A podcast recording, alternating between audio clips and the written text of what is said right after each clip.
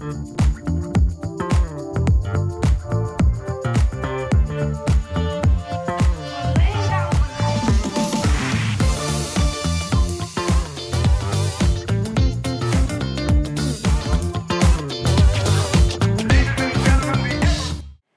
Datang di Ngobrol Sore Semaunya bersama gue Putri Tanjung Season terbaru yang hadir di platform cxomedia.id Kali ini Ngobrol Sore Semaunya syuting di salah satu tempat Yang menjadi identity dari bintang tamu kita hari ini Yang merupakan seorang musisi dengan karya-karyanya yang sangat luar biasa Langsung saja kita sambut Mas Kunto Aji Halo Putri, apa kabar?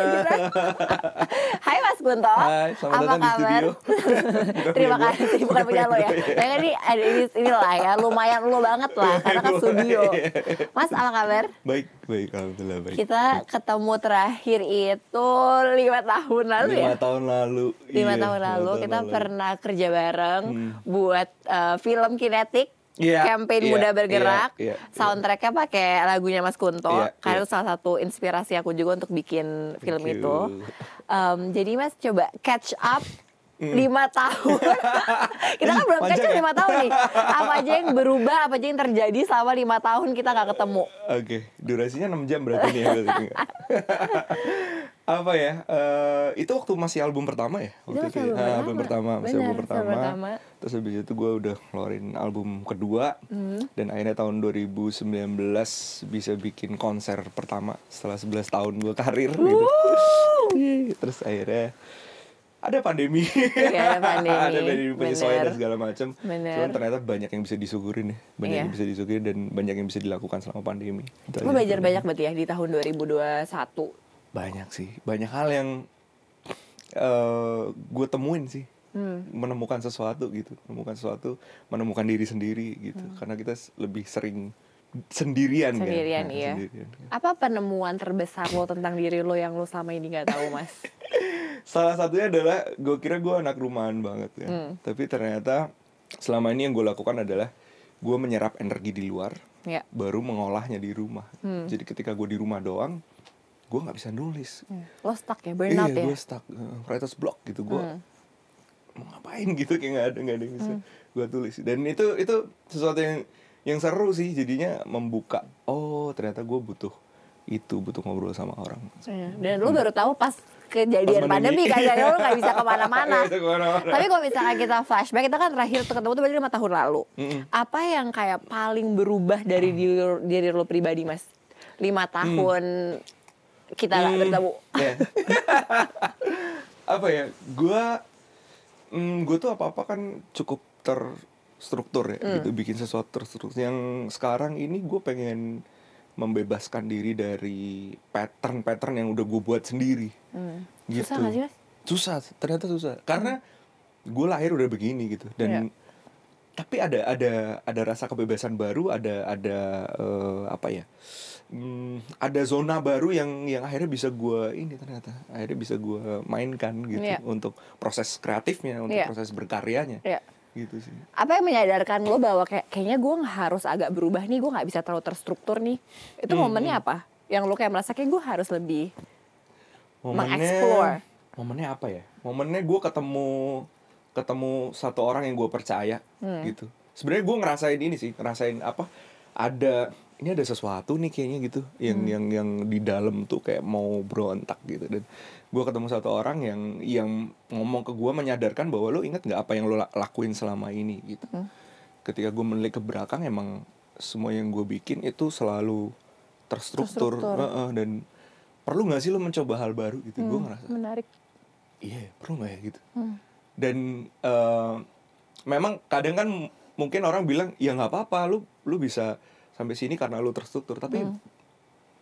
alangkah menariknya kalau kita coba untuk hal baru tapi Betul. basicnya memang itu cuman kita mencoba hal baru istilahnya kayak pohon akarnya udah ada nih Hmm. lu Tinggal tumbuhnya iya. lu tumbuhnya ke arah yang lebih kreatif karena toh eh, itu sudah jadi basic trait lo kan untuk Hmm. uh, well prepared segala macam gitu. Iya. Jadi oh iya juga ya kenapa nggak gue cobain gitu. Gue tuh bedanya adalah dari lo, gue Hmm. justru kebalikannya. Oke. Gue tuh Oke. sangat tidak terstruktur. Oh, oke. Gue sangat tidak terstruktur. Tapi gue merasa kebelakangan ini gara-gara pandemi juga, gue jadi merasa kayak gue harus lebih terstruktur deh. Oke. Kayaknya gue harus lebih punya kayak plan yang jelas dan segala Iya, macam. iya, yang iya, intinya iya. sebenarnya kan cari balance between itu Betul. aja kan. Itu. Itu. Iya kan? Setuju nah itu susah banget nyarinya. Iya, itu susah Untuk kayak banget. bisa nyari balance-nya. Iya. Mas, kan lu sekarang udah udah sampai seperti yang sekarang, Hmm. pasti kan membutuhkan proses yang cukup panjang gitu Iya, kan. iya. Proses menemukan diri lo sendiri, kayak tadi Iya. seperti lo bilang, Iya. proses cari cara yang paling pas buat lo. Iya, iya. Tapi apa kayak gue pengen tahu jatuhnya lo dalam Eh. proses menjadi seperti sekarang yang paling besar dan paling lo inget tuh apa? Ah, yang paling gue inget yang itu sih ada ada gue sempat cerita di beberapa tempat gitu gue sempat jadi setelah kan awal karir gue dari Indonesian Idol tahun Iya. 2008 Iya. terus gue punya single eh, sendiri itu baru tahun 2014 jaraknya ada enam tahun itu Hmm. Iya. kan dan di situ tuh gue ngumpulin uang selama enam tahun itu di industri hiburan gue ngumpulin uang untuk bisa bikin album nah sebelum gue bikin album gue sakit terus duit gue habis semuanya gitu terus anjir gimana nih gitu akhirnya cuma punya duit buat bikin satu single tapi ternyata satu single itu yang bisa bikin gue Merubah semuanya iya ya. terlalu lama sendiri itu Iya. gue nggak kebayang kalau misalnya gue gue bikin album waktu itu mungkin juga nggak Iya. bisa di sini gitu By the way itu still one of my favorite song loh. thank you Karena itu selalu terngiang-ngiang. Udah Karena udah dong. Alhamdulillah ya. Gue sudah tidak sendiri. Jadi Mas, tapi apa yang membuat lo punya energi untuk terus berkarya? Kayak apa yang membuat lo selalu percaya bahwa oh ya gue harus tetap bertahan nih. Iya, iya. Hmm, kegelisahan sih. Hmm. Semua semua seniman kan apa yang dia eh, bicarakan tuh selalu tentang kegelisahan apa yang dia rasain kan. Iya. Apalagi sekarang kayaknya banyak banget deh kegelisahannya kita kan ya kan. Iya, betul. Walaupun kita ngeliat oh, Betul. kayak, "Ini kok Tinggal begini cara ya?" gimana aja kita Iya, menyampaikan iya. kegelisahan kita Dan kan. mana yang mau kita Iya. sampaikan kan gitu. Jadi ya itu kegelisahan. Jadi gua nggak udah nggak yang apa ya kayak gua harus bikin sesuatu yang menjual atau apa gitu ya. Maksudnya itu adalah eh, bonusnya kan. Maksudnya Hmm. hal pertama yang yang perlu kita ini adalah kegelisahan lo yang paling besar apa gitu. Iya. Karena pasti akan ada orang yang sama yang rasain sama, sama kayak lu Betul betul. gitu. Jadi nggak usah terlalu khawatir tuh gitu. Mas berarti lo dari awal udah tahu bahwa pilihan karir lo adalah mau menjadi musisi ya? Kalau awal banget sih enggak sih. Gue SMA tuh eh, ya ikut lomba-lomba nyanyi, ngeband ngeband dan segala macam gitu festival. Tapi gue ngerasa pada saat itu ya kayak orang tua pada ininya musik kayak nggak bisa ngejamin gitu. Terus kebetulan gue juga suka gue suka bisnis gitu. Terus Iya. gue kuliah akuntansi dan segala macam. Jadi eh, musik gue anggap sebagai hobi sih. Tapi sekarang ternyata bisa ini. bisa menjadi profesi ya Profesi. bisa menjadi profesi ya tapi pak lu waktu awal-awal pasti ada ragunya dong mas bahwa kayak kayak gue nggak bisa deh menjadi Ada pasti. Mm, ada kak, terutama karena ya gue dari daerah gitu, Hmm. dari Jogja. Terus untuk nembus industri di Jakarta gue ngerasa wah berat banget gitu. Pada saat dulu, apalagi dulu, dulu kan pintunya tuh cuman satu, dua gitu maksudnya lu Iya. antara masuk ke label besar atau manajemen yang kayak sekarang sudah ya. bagus. Sekarang kan lo bisa bahkan eh, dulu ajang pencarian bakat ya. Sekarang YouTube, Hmm. Betul. TikTok atau Betul. Instagram apa itu Iya. lo cover, orang bisa menemukan lo dengan dengan bakat lo yang luar biasa gitu. tapi berarti lo ada nggak sih mas kayak satu value yang lo Hmm. pegang terus yang akhirnya bisa um, sampai lo ada di sini sekarang gini output itu sama dengan input gitu jadi ketika ketika lo banyak mendengarkan lo lo eh, yang paling penting dari dari seniman yang menurut gue eh, sekarang jadi penting adalah karakter kan.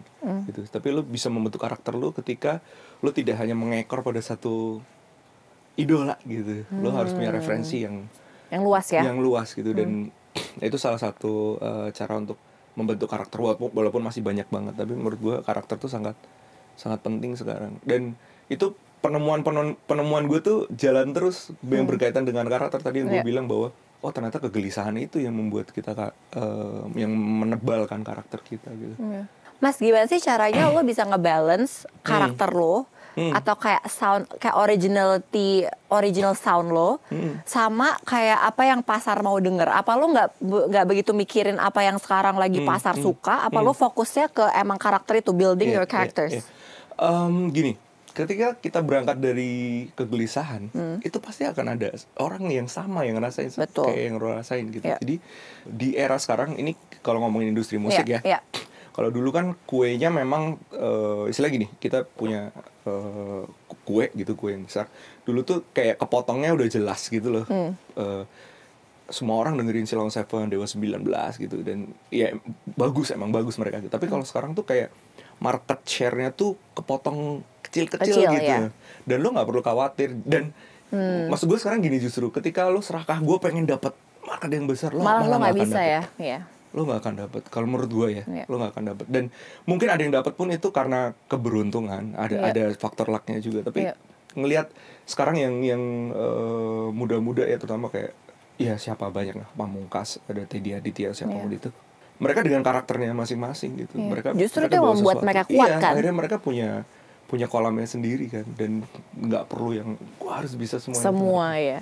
Mas selain itu, selain Hmm. sekarang justru uh, makin niche and focus ya. Jadi kan Iya, emang banyak iya, kan iya, semuanya, beda-beda selera niche. gitu ya. Iya. Apa yang berubah banget di industri musik waktu awal lo masuk Hmm. dan sekarang? Eh, yang berubah banget itu sekarang kesempatannya jauh lebih besar, Hmm. jauh lebih besar. Tapi di situ juga persaingannya jauh lebih eh, sulit ya, karena orang dengan mudah sekarang untuk rekaman eh, gampang gitu, untuk produksi gampang. Lu mau mixing mastering di luar pun lu bisa transfer data gitu dan Ya. segala macam. Jadi semuanya sangat memungkin- memungkinkan untuk bisa memproduce karya musik yang yang decent, yang bagus. gitu. Eh, ya cuman tadi akhirnya balik lagi ternyata ke karak- karakter apa yang lo punya gitu Ke karakter ya, ke diri lo sendiri diri lo juga sendiri ya, jujur Mas. ke diri lo sendiri gitu Nah, ngomongin soal jujur ke Hmm. diri sendiri. saat karya lo didengar banyak orang, Mas, Hmm. ya. Saat orang jadi tahu lo siapa, Hmm, gitu hmm. ya. Semakin kayak terkenal lah istilahnya Hmm, hmm, gitu. hmm. Agak ini gak sih, Mas, kayak lo apakah lo memisahkan. Kunto Aji sebagai brand dan Kunto Aji aslinya secara personal iya iya iya atau gimana? Ada nggak Iya, sih iya, jadinya iya. berubah gitu, Mas? iya iya iya Iya dong, karena nggak mungkin lah sih. sekuat-kuatnya karakter orang saat Yes, lo yes, udah yes, terkenal yes, dan yes, lo yes, yes, dikagumi banyak orang, pasti ada sedikit perubahan. Hmm, iya, iya. Gimana cara lo ngejaga original Iya. karakter lo? ini pertanyaan yang cukup kompleks untuk dijawab. Cuma tapi gue eh, ngerasa hmm, gue cukup beruntung karena gue berada di di eh, lingkungan teman-teman seniman atau musisi yang memang mereka menjaga keutuhan dirinya Hmm, menarik. sebagai seniman ataupun sebagai eh, istilahnya sebagai individu ya sebagai Benar. manusia gitu jadi mereka tidak memprodukkan dirinya gitu loh jadi kayak ya udah gue begini gitu ketika sosmed mengharuskan untuk begini gue nggak masuk ya nggak gue lakuin gitu Iya. tapi ketika ada hal yang masuk ya coba gue lakuin kan iya penyesuaian dengan pasar apa Betul. eh, itu penting ya Iya. penting. tapi jujur dengan diri sendiri itu juga lebih penting karena tingkat stresnya cukup tinggi kan sekarang Iya, ya. iya.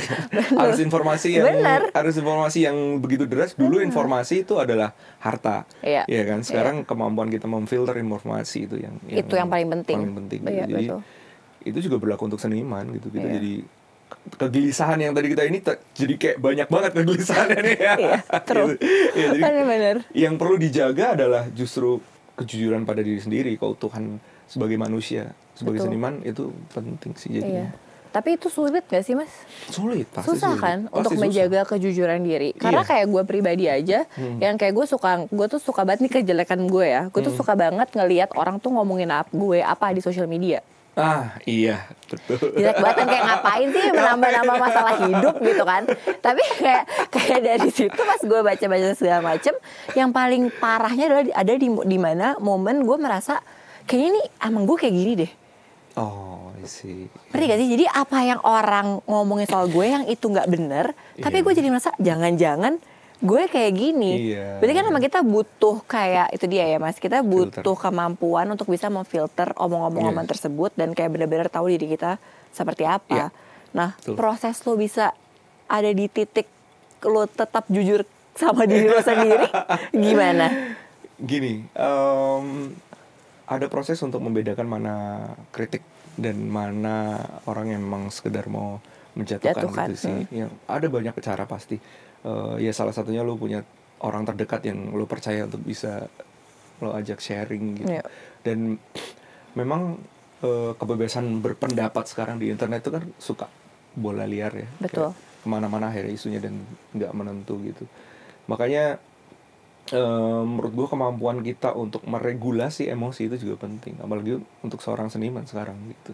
Bener sih. Jadi ya itu salah satu teknik-tekniknya ada diajarkan di situ kan tentang wellness kan sekarang lagi naik ya. Eh, lagi ya tentang wellness dan kenapa itu sekarang lagi naik? Ya karena sekarang jadi penting. Bener dengan arus informasi yang seperti ini arus informa kata teman gue yang psikolog ada Hmm. arus informasi sekarang itu melebihi apa yang bisa kita tangkap sebenarnya. Iya. makanya zaman dulu orang kayak lebih less stres gitu. Maksud Betul. stresnya pun datang dari tempat lain gitu. Iya. itu karena eh, informasi sekarang tuh kapasitasnya kebanyakan dan lu Iya. konsumnya juga kebanyakan banyak gitu. ya lu perlu punya jurus untuk Iya. bisa mengatasi itu gitu. dan jurus itu macam-macam ya buat semua orang kan pasti beda-beda ya pasti kemampuan beda-beda Eh, tapi penting sih punya inner circle yang Iya, baik iya, iya. itu penting banget sih mas. Mm-mm, mm-mm. Mas tapi berarti gimana? Apa sih artinya fame buat lo? Apa artinya kayak orang kenal sama lo atau lo mis- Mm-mm, apa fame sih arti buat Mas Kunto? Jujur pasti gue seneng ya orang Iya. kenal banyak sama gue ada yang ya, iya, ya. ada yang dengerin lagu pasti seneng Iya. banget cuman em, yang gue rasain sekarang apalagi setelah album kedua eh gue ngerasa bahwa fame itu nggak nggak terlalu ada artinya angka Hmm. itu ketika nggak ada manfaatnya buat orang Ya. musik gue gitu gitu jadi em, yang dengerin seribu orang tapi nggak nangkep bukan nggak nangkep ya maksudnya musik gue tidak membuat hidup mereka lebih buruk atau apa Iya. gitu. ada manfaatnya buat mereka itu Iya. eh bisa cuma 100 orang gue lebih bersyukur dengan itu sih Tapi ngomongin soal itu ya Mas, ka- karya-karya lo di mantra-mantra, Iya. menurut menurut gue itu kan ada pembuktian juga bahwa Iya. musik itu bukan cuma untuk hiburan, Iya, untuk iya. didengari, tapi banyak banget yang dengerin Fungsi. album lo Hmm. dan mereka bilang oh tuh kayak sebagai semacam terapi buat Iya mereka juga sih, gitu. Karena mereka feel mungkin kayak Iya, iya. calmer Iya, atau iya, mereka iya. bisa kayak flashback dan Iya. mengingat lagi dan Iya, iya, bersyukur iya, dan segala iya, macamnya lah ya gitu ya. Dan dan dan impactnya cukup cukup cukup luas gitu. Karena gue pun salah satunya. Gue ingat banget kok. Oh, iya. Nah, lo nggak lo lupa ya? Nanti gue cari di DM ya. Gue tuh nge DM lo. Gue nge DM lo karena gue tuh nangis dengerin lagu. Kayaknya gue denger lagu Rehat deh. oh iya iya Iya. Eh, Kayak gue iya, butuh iya, rehat. iya, iya. Terus gue, na- gue nangis. Habis itu gue gue DM lo, gue bilang Iya, kayak iya. Mas terima kasih banyak untuk karya-karya lo. Dan Iya, gue iya. nangis sih dari lagu ini, gue bilang gitu. Iya. Dan sebenarnya itu pun kayak nggak cuma yang recent karya lo sih yang dulu dulu pun Iya, juga iya. itu kayak re- resonate banget you, ke ke gue itu kan pasti nggak gue doang mas Iya. itu kan pasti banyak banget yang ada di sana Iya. kalau kayak gitu gimana sih perasaan lo mas ya gue seneng banget sih pasti Hmm. seneng banget karena jujur album ini kan gue sebenarnya awalnya nggak terlalu berani nulis ini kan Put karena ini isu yang cukup pribadi gitu Iya. Eh, walaupun ceritanya nggak nggak nggak apa eh, implisit lah. Nggak Iya. nggak gue tulis masalah gue apa gitu. Iya, tapi iya. ketika gue nyanyiin kan gue tahu ya apa. Itu personal banget buat personal lo banget ya. gitu. Gue takut nggak kuat kan. Iya. sebulan awal gue emang kayak ngerasa kayak telanjang di atas panggung gitu. Iya. literally kayak ngerasa anjir orang-orang tahu. Emotionally gue ngerasa vulnerable. Tapi setelah gue ngerasain mereka datang dengan masalahnya dengan Iya. vulnerability-nya mereka gitu Iya. jadi dan itu very powerful loh mas iya alhamdulillahnya gue ngerasa kayak kita tukeran energi gitu loh Iya. sama-sama untuk ngelepasin Iya. semuanya di di panggung ini habis itu pulang dengan perasaan yang lebih baik dan itu ngerasa Berarti apa perubahan terbesar lo setelah lo merilis album mantra-mantra sebagai seorang Mas Kunto dan sebagai seorang penulis ya? Iya. Apa yang berubah?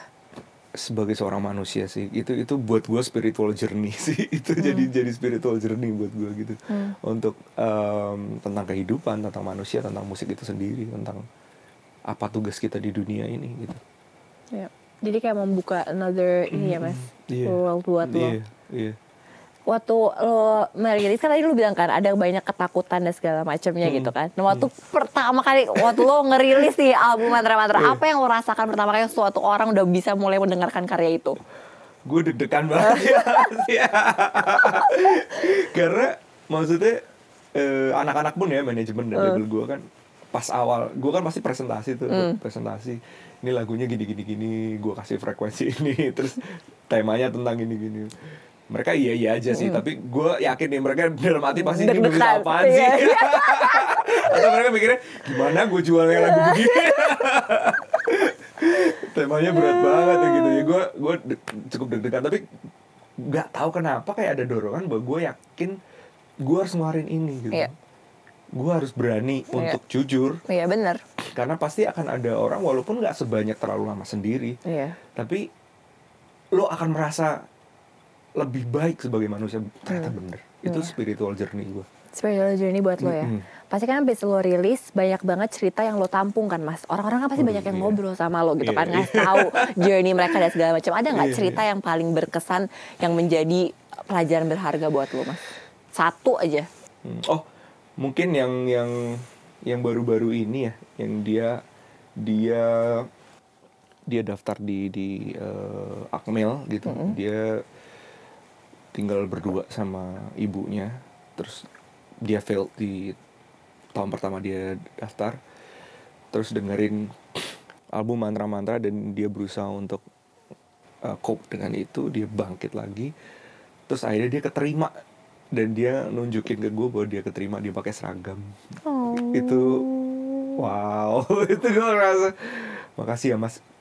Ucapan makasih ya mas itu buat gue sangat-sangat besar. Udah Iya. cukup, gue udah cukup cukup itu udah udah sangat gue yang makasih sama kalian semua gitu sih Iya. karena itu besar banget rasanya buat gue Itu lo juga pasti ngerasa kebah itu kebahagiaan yang lo nggak bisa treat dengan apa pun kan mas? nggak bisa dan itu hal yang nggak bisa gue rasain di di album sebelumnya apa maksudnya musik sebelumnya walaupun albumnya banyak yang dengerin ini kayak album ini nggak banyak yang dengerin nggak apa-apa kok buat Iya. gue gitu Ya karena itu spiritual bisa. journey juga Iya. buat lo kan mas? iya ket- ketika ada yang bisa kayak gini nih dia Iya, bisa iya. ngelewatin eh, apa rintangan dalam hidupnya itu nggak kayak nggak apa-apa kok gitu Hmm. gue semakin ke sini semakin ngerasa apa-apa kok kayaknya bikin musik yang begini nggak apa-apa Iya. banget gitu Iya. karena hasilnya jauh lebih dari itu menurut gue. Iya, lebih besar ya buat Lebih lo besar, pribadi lebih besar dampaknya. dari capital ya Berarti setelah udah seperti ini Mas kan waktu awal lo bikin um, apa album based on research tentang anak-anak muda Hmm, gitu kan. iya, iya, Ada iya. kegelisahan lo dan segala Iya, macam. iya, iya. Habis itu mulai yang personal. Iya. So what's next? Sebenarnya gue gue belum mau bocorin sih. Bocorin lah Mas, gak apa-apa lah. Bocorin lah.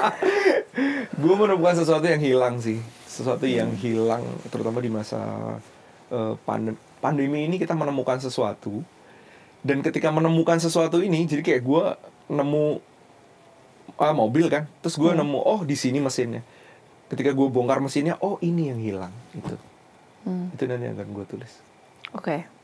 Nggak, lu nggak boleh bocorin lagi apa yang hilang. Lo pakai perumpamaan apa yang hilang mobil. Apa yang Mobil ya, hilang? apa ya? pesawat dan pesawat sama aja ya Nah itu berarti lo menulis album yang berikutnya ini, Hmm. yang tadi itu hilang ya. itu prosesnya gimana? prosesnya prosesnya selama pandemi ini Oke. Hmm, selama pandemi. Jadi gue cerita sama lo kan, gue susah Iya. banget nulis gitu. Akhirnya lo pergi kan? Iya, akhirnya gue gua eh, pergi dalam kondisinya sudah cukup aman gitu. Gue bertemu dengan banyak orang. eh ya gue ngerasain sesuatu emang put kayak ada yang pengen gue tulis tapi gimana nulisnya ya gitu loh. Itu yang Iya. nggak ketemu selama dua tahun itu dan Iya. akhirnya di antara konflik-konflik yang ada di sosial media sekarang gue menemukan sesuatu gitu. Hmm. Oh ini yang bikin orang konflik gitu. Nah, Dan lo gak mau ngasih tahu apa yang bikin tepat konflik biar orang menunggu album lo ya. Coba ketik di bawah apa yang hilang. Apa yang hilang. di komen. apa yang hilang mas tapi oke gue penasaran gue penasaran banget karena menurut gue pasti di masa-masa pandemi ini Iya. semua orang pasti ada merasa kehilangannya sih apa pun itu ya Iya, iya. mau itu hal kecil mau itu hal besar gitu Hmm, pasti menurut gue akan menjadi satu topik yang sangat relevan sih untuk Hmm, untuk hmm. banyak orang Iya. lo ada pressure itu gak sih mas dengan album-album lo yang sebelumnya Hmm, hmm. udah udah udah berdampak gitu Iya, lo ada iya. pressure gak untuk album album berikutnya ini Jelas pressure pasti ada ya. Hmm. Pressure pasti ada. Cuman karena gue sempat ngelewatin masa itu dari terlalu lama sendiri album pertama gitu ke album kedua yang orang-orang kok anjir ini temanya semakin niche ya semakin Iya, spesifik gitu iya, iya. justru nah di situ gue ngelewat sebenarnya soap opera al- album ya kan yang Hmm. yang paling yang paling apa ya yang paling susah untuk seorang seniman karena apalagi misalnya album pertamanya cukup words Iya, gitu makanya. Bener-bener, "Anjir, Hmm. gimana ya bebannya karena gue udah ngelewatin itu ke album ketiga lebih ringan sih alhamdulillah Hmm. cuman pressure-nya masih ada cuman yang gue lakukan biasanya adalah gue kembali ke titik nol ke titik nol bahwa lo belum pernah bikin apa-apa lo tidak pernah menghasilkan apa-apa keluarin aja apa yang apa yang lo mau Ya, Ini. yang lo lagi rasakan ya. Iya, iya. Gak perlu membandingkan gue harus lebih besar dari album ini. Betul. Harus lebih apa dari itu nggak perlu. Betul. Dan semakin ke sini, lo semakin tahu karakter lo nggak mas?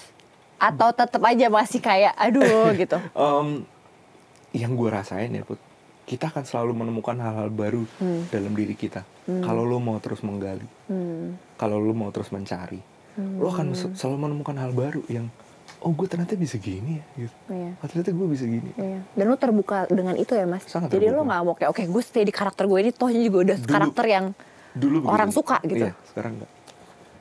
Itu yang gue pelajari terus. dan itu susah sih pasti. Itu susah. Untuk bisa sampai Itu susah. seperti sekarang. itu berdamai dengan Diri diri, sendiri. sendiri, berdamai dengan masalah-masa lalu, berdamai dengan trauma lu. Iya, benar. Setelah itu lu menemukan diri lu lagi yang lain. Bukan Iya. yang lain sih, maksudnya sisi yang lebih dalam. Iya. Mas, tapi dengan semua karya yang udah lo berikan ya buat buat kita kita gitu. Mm-hmm. Kalau sebenarnya semakin menyadari bahwa lo sebagai musisi punya power yang sangat luar biasa besar. Iya. Sebenarnya, gitu Iya, kan? Iya iya, dong, Mas. iya, Kita iya. semua juga punya super power kita masing-masing Iya, betul. dengan karya-karya kita. Iya. Nah, gimana caranya lo bisa menggunakan power lo dengan wise Iya. dan gimana caranya lo tetap humble Dan tetap stay grounded dengan power yang sudah lo punya. Yang jelas, yang harus disadari, apa yang kita punya sekarang itu bisa diambil Kapan pun. kapan pun dengan sangat mudah dan eh, ya alhamdulillah gue pernah ngerasain itu gitu di hidup gue dibolak balik Iya. segala macam jadi eh, dan menyadari bahwa lo tuh cuma dikasih kecil banget kekuatan dari yang di atas gitu untuk bisa mempengaruhi eh, orang. Jadi musik itu kan mengintervensi ya sebenarnya gitu. Eh, dia bisa mengubah detak jantung mengubah mood lo gitu. Betul. tanpa lo perlu perlu apa eh, mengizinkan mereka masuk atau tidak gitu. Iya. jadi di situ lo ada tanggung jawab untuk bikin musik yang ya ada tanggung jawabnya. Untuk lo bikin musik yang bagaimana itu itu ada tanggung jawabnya. Itu yang perlu lo sadari. Dan ya mungkin lo dikasih kelebihan lagi karena lo sudah bertanggung jawab dengan itu Iya. gitu Gue setuju banget sih karena gue sering banget ngomong bahwa semakin lo punya privilege yang besar atau Ya. semakin lo punya power, tanggung jawab lo kan semakin besar kan. benar Dan lo harus Benar. mempertanggungjawabkan atas privilege atau opportunity yang lo punya, iya iya iya itu gitu kan. itu Mas, berarti kalau misalkan kayak lo udah tahu nih lo udah udah punya power, terus lo juga udah udah udah mau rilis album yang ketiga ya yang kita belum tahu apa itu ya yang yang yang hilang itu ya. Apalagi sih harapan lo yang terbesar tapi untuk diri lo sendiri ya. Bukan kayak goal-goal yang besar tapi kayak Iya. personal untuk diri lo apa harapan untuk diri lo sendiri harapan gua apa ya di 2022 kali ya be 2022 specific. ya gue bisa lebih ngalir sih jadi gue tuh selalu menggambarkan diri gue selama ini ya Hmm. Tadi kalau lo ngomongin tentang eh, harsh comment atau ada segala macam gue tuh selalu menggambarkan diri gue itu pakai baju zirah yang tebel Hmm. gitu terus gue kuat menghadapi komen-komen netizen gitu apa kena panah gue pantulin Hmm. tapi sayangnya panah itu ketika dipantulin bisa kena ke orang lain Lain. Hmm, yang gue lakukan menarik. sekarang adalah gue mau melepas baju zirah gue gue mau belajar bela diri yang lebih mengalir Hmm. jadi ketika ada yang datang gue akan lebih mudah untuk menghindar bukan menghindar ya kayak apa eh bermain dengan itu flow justru gue tidak tidak perlu kayak gue kuat nih gitu tapi Iya. gue bisa ngeliat lo mau apa ya Iya. nggak apa-apa gitu Karena kadang-kadang kalau lu sok kuat, malah jadinya ke mana-mana ya. Iya. Tadi yang lu bilang. Ya, eh, malah bisa dipantulkan ke ke orang-orang. Dan lu nggak mau menyakiti orang lain Iya. juga. Dalam ya. Dalam ya. Ya gue harus, harus, harus, harus belajar sih. Tadi udah, kita udah ngomongin soal personal goal di tahun 2022. Kalau Iya. misalkan secara karir atau karya, apa goal lo atau apa yang lo mau lakukan masih tahun Hmm. 2022 ini? Ada yang excited nggak? Ada yang baru nggak? Ada yang exciting nggak? gue mau bikin tour sih Oh, fun. Sama siapa ya? sama siapa ya? Bukan sama gue karena gue kan gak mungkin nyanyi Ya kan Iya, orang iya, yang iya, ngiranya. Ya kan bikin iya, gue nyanyi Ya kan Nanti gak ada yang datang Semoga ya kita bisa bikin sama. Tour sama Sixto bareng ya Amin. Lo pingin begitu. pingin ke mana mas? Lo pingin ke berapa kota kalau misalkan tour? Eh, lama 120 bisa gak sih? Wih, waduh. Ada yang tour saya mules 120 ya, ya pengennya pasti se Sebanyak-banyaknya ya. gitu. Udah kangen banget pasti kangen kan banget, kangen banget. Dan Kapan terakhir? Terakhir kapan ya? Oh sempat sempat sih ada ada offline kemarin terakhir ada satu acara di dua bulan lalu. Lalu ya. mungkin. Tapi kalau tour udah lama dong Ah, tour mah udah udah berapa tahun Udah berapa ya? tahun Oh, lima tahun mungkin Iya. kayak lima tahun enam tahun sih tur. Iya. Nah, lima tahun enam tahun yang lalu. Semoga ya mas Semoga Amin. kita bisa tour tahun ini Amin. Dan semoga Sekalian promo di Ah, sini. sekalian promo di sini. Ayo bisa beli tiketnya langsung ke nomor ke Instagram DM Instagramnya Putri ya. Waduh, buat yang suka Tanjung Beli tiketnya gue langsung Sambil kita sama-sama eh, merenungkan apa yang hilang di, ya, di tahun-tahun belakang ini Mas, sebelum kita ngobrol-ngobrol lagi Kita main Iya. game dulu Oke. Jadi gamenya jawab semaunya Jadi gue Oke. akan eh, bertanya Lalu lu tinggal jawab aja dengan Oke. cepat Oke. Oke? Oke. Ketika bangun pagi, hal apa yang langsung lo pikirkan? Handphone sih biasanya. Lo langsung ngecek ya? Iya langsung ngecek. Aplikasi apa yang pertama kali lo cek? WhatsApp. Iya, itu juga sih Karena gue takut ada ap- apalagi yang belum gue lakuin gitu. Oke, waktu kecil hal apa yang paling memal- memalukan atau yang lo, lo inget banget yang lo lakukan lah pokoknya? Aduh malu gak sih? Ah, udah terlanjur lo udah gak bisa. Gue udah ngomong ya. Sebet maaf ya, cepirit gitu di Kap, itu umur berapa? Boleh gak sih? Baru baru nggak? Boleh kok boleh boleh. Baru. Enggak baru dong kan SD. Anjir masa kalau nanya dulu. Masa baru-baru gue ini barusan nih. kan gue make sure. Oh SD. SD dong. SD. Itu Jangan. malu banget ya sih? Malu dong. Lu malu banget gak sih? Itu apa- apa yang lo lakukan? Iya. Begitu nyampe rumah. Iya, jangan detail dong. Jangan didetailin dong. Kejadian kejadian. Pokoknya lo malu, habis itu langsung pulang. ya, Oh, Oke. ke toilet. Orang banyak yang nggak tahu kalau lo itu orangnya kayak apa? Orang banyak yang nggak tahu kalau gue itu orangnya terlalu perasa kadang. Hmm. Itu yang lagi gue atasin.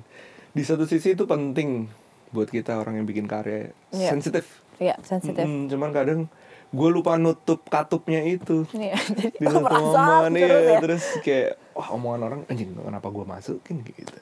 Hmm. gitu. Kita perlu bikin barrier sih.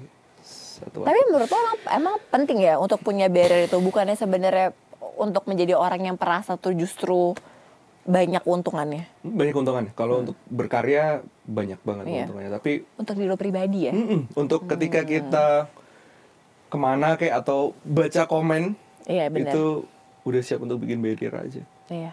itu Wah itu susah sih ya tapi Itu susah. Tapi itu bisa. penting. Bisa, bisa banget. Ada teknik-teknik ada teknik-teknik. Oke, lanjut ya. Lo paling bete kalau menghadapi situasi seperti yang di luar kontrol gue. Oke, sama gue juga. Lo apa sih zodiaknya? Capricorn. Oh, pantas. Oke, oke, oke. Gue Virgo, gue Virgo. Oh. Gue punya banyak. Oh, lo Virgo juga. Iya, kan, apalagi. makanya. Iya, gue iya, punya iya. banyak teman Capricorn. Agak mirip sama Oh, iya. Virgo soalnya kalau bagian-bagian itu. Iya. Oke. Virgo kan selalu ini Iya, rapi. betul. Iya. Harus kayak tahu semua. Teman-teman gue bilang kalau gue adalah orang yang seperti Eh, lawak. Oh, lucu. Enggak ya tuh lu Iya. Tuh. badut. Gue badut. Lo badut. Oke. Halo badut. Lu- Oke, next ya. Lo merasa feel alive pada saat Manggung. manggung iya. Karena lo mendapatkan energi kan? Iya, iya. Itu trendsnya asik. Iya. Oke. Nasihat terbaik yang pernah orang berikan kepada lo? Berpikir itu susah. Hmm. Itulah kenapa kebanyakan orang ngejudge. Hmm. Iya. Karena mereka mereka malas untuk Mau pikir. mikir. Iya. Heeh, jadi itu juga mau bantu untuk ketika lo menghadapi komen-komen yang nggak enak atau Iya. gitu. Lo mikir kayak gitu aja deh, nggak orang nggak mikir capek dia. mikir Iya, emang nggak mikir, bener bener bener. mikir kan, memang. Memang Bener. bener orang nggak mikir. Iya. Apa pun yang lo katakan, lo lakukan tuh kadang bisa dipelintir Betul. sampai wow, kok bisa mikir sampai situ gitu. Iya. Dan itu juga b- bagus untuk pengingat buat kita juga sih. Bener. Apa pun yang kita mau, walaupun kita ada di Itu. dunia yang di mana kita bisa ngomong apa pun yang kita mau, kita harus tetap berpikir Iya. apa yang kita mau omongin. Iya, sebelum kita ngejudge orang Betul. kan. Itu juga buat kita juga. Betul. Oke, terakhir. Menurut Mas Kunto, kebahagiaan adalah Waduh, berat, Berat banget ya. Kebahagiaan adalah ketika kita ngerasa utuh sama diri kita sendiri. wah, setuju banget. Itu, itu sih itu yang sampai sekarang masih gue cari. Iya. Sama. Dan itu butuh proses sih. Butuh proses. Semoga kita cepat-cepat me- ini ya mendapatkan Menemukan. dan menemukan keutuhan diri. Mas, pertanyaan terakhir. Iya. Kan obrolan kita akan stay forever di platformnya cxomedia.id Oke, kan. oke. Lima tahun lagi, misalkan lu lagi iseng nih. Gue pengen nonton lagi deh ngobrol sore semaunya sama Putri gitu ya. Apa yang Mas Kunto sekarang ingin sampaikan ke Mas Kunto di lima tahun ke depan? Ceritanya Mas Kunto lima tahun ke depan lagi nonton nih. Oke. Apa ya? Wih, wih lagi. Ingat prosesnya. Ingat prosesnya. Ingat dari mana sampai mana sekarang dan masih panjang ke depan perjalanannya itu. Thank you. Udah Mas nih. Kunto udah. Oh, udah Ya deh, kan? oke, nggak kerasa ya. Terima kasih banyak udah Putri, uh, you. ngobrol. Uh, semoga kita bisa terus bekerja sama. Semoga Amin. konsernya bisa kita wujudkan Iya, amin. uh, turnya. Terima kasih untuk teman-teman yang sudah nonton ngobrol sore semaunya. Jangan lupa untuk terus saksikan ngobrol sore semaunya. Pastinya hanya di platform cxomedia.id dan tungguin episodenya terbaru setiap hari Kamis. Bye bye. Bye.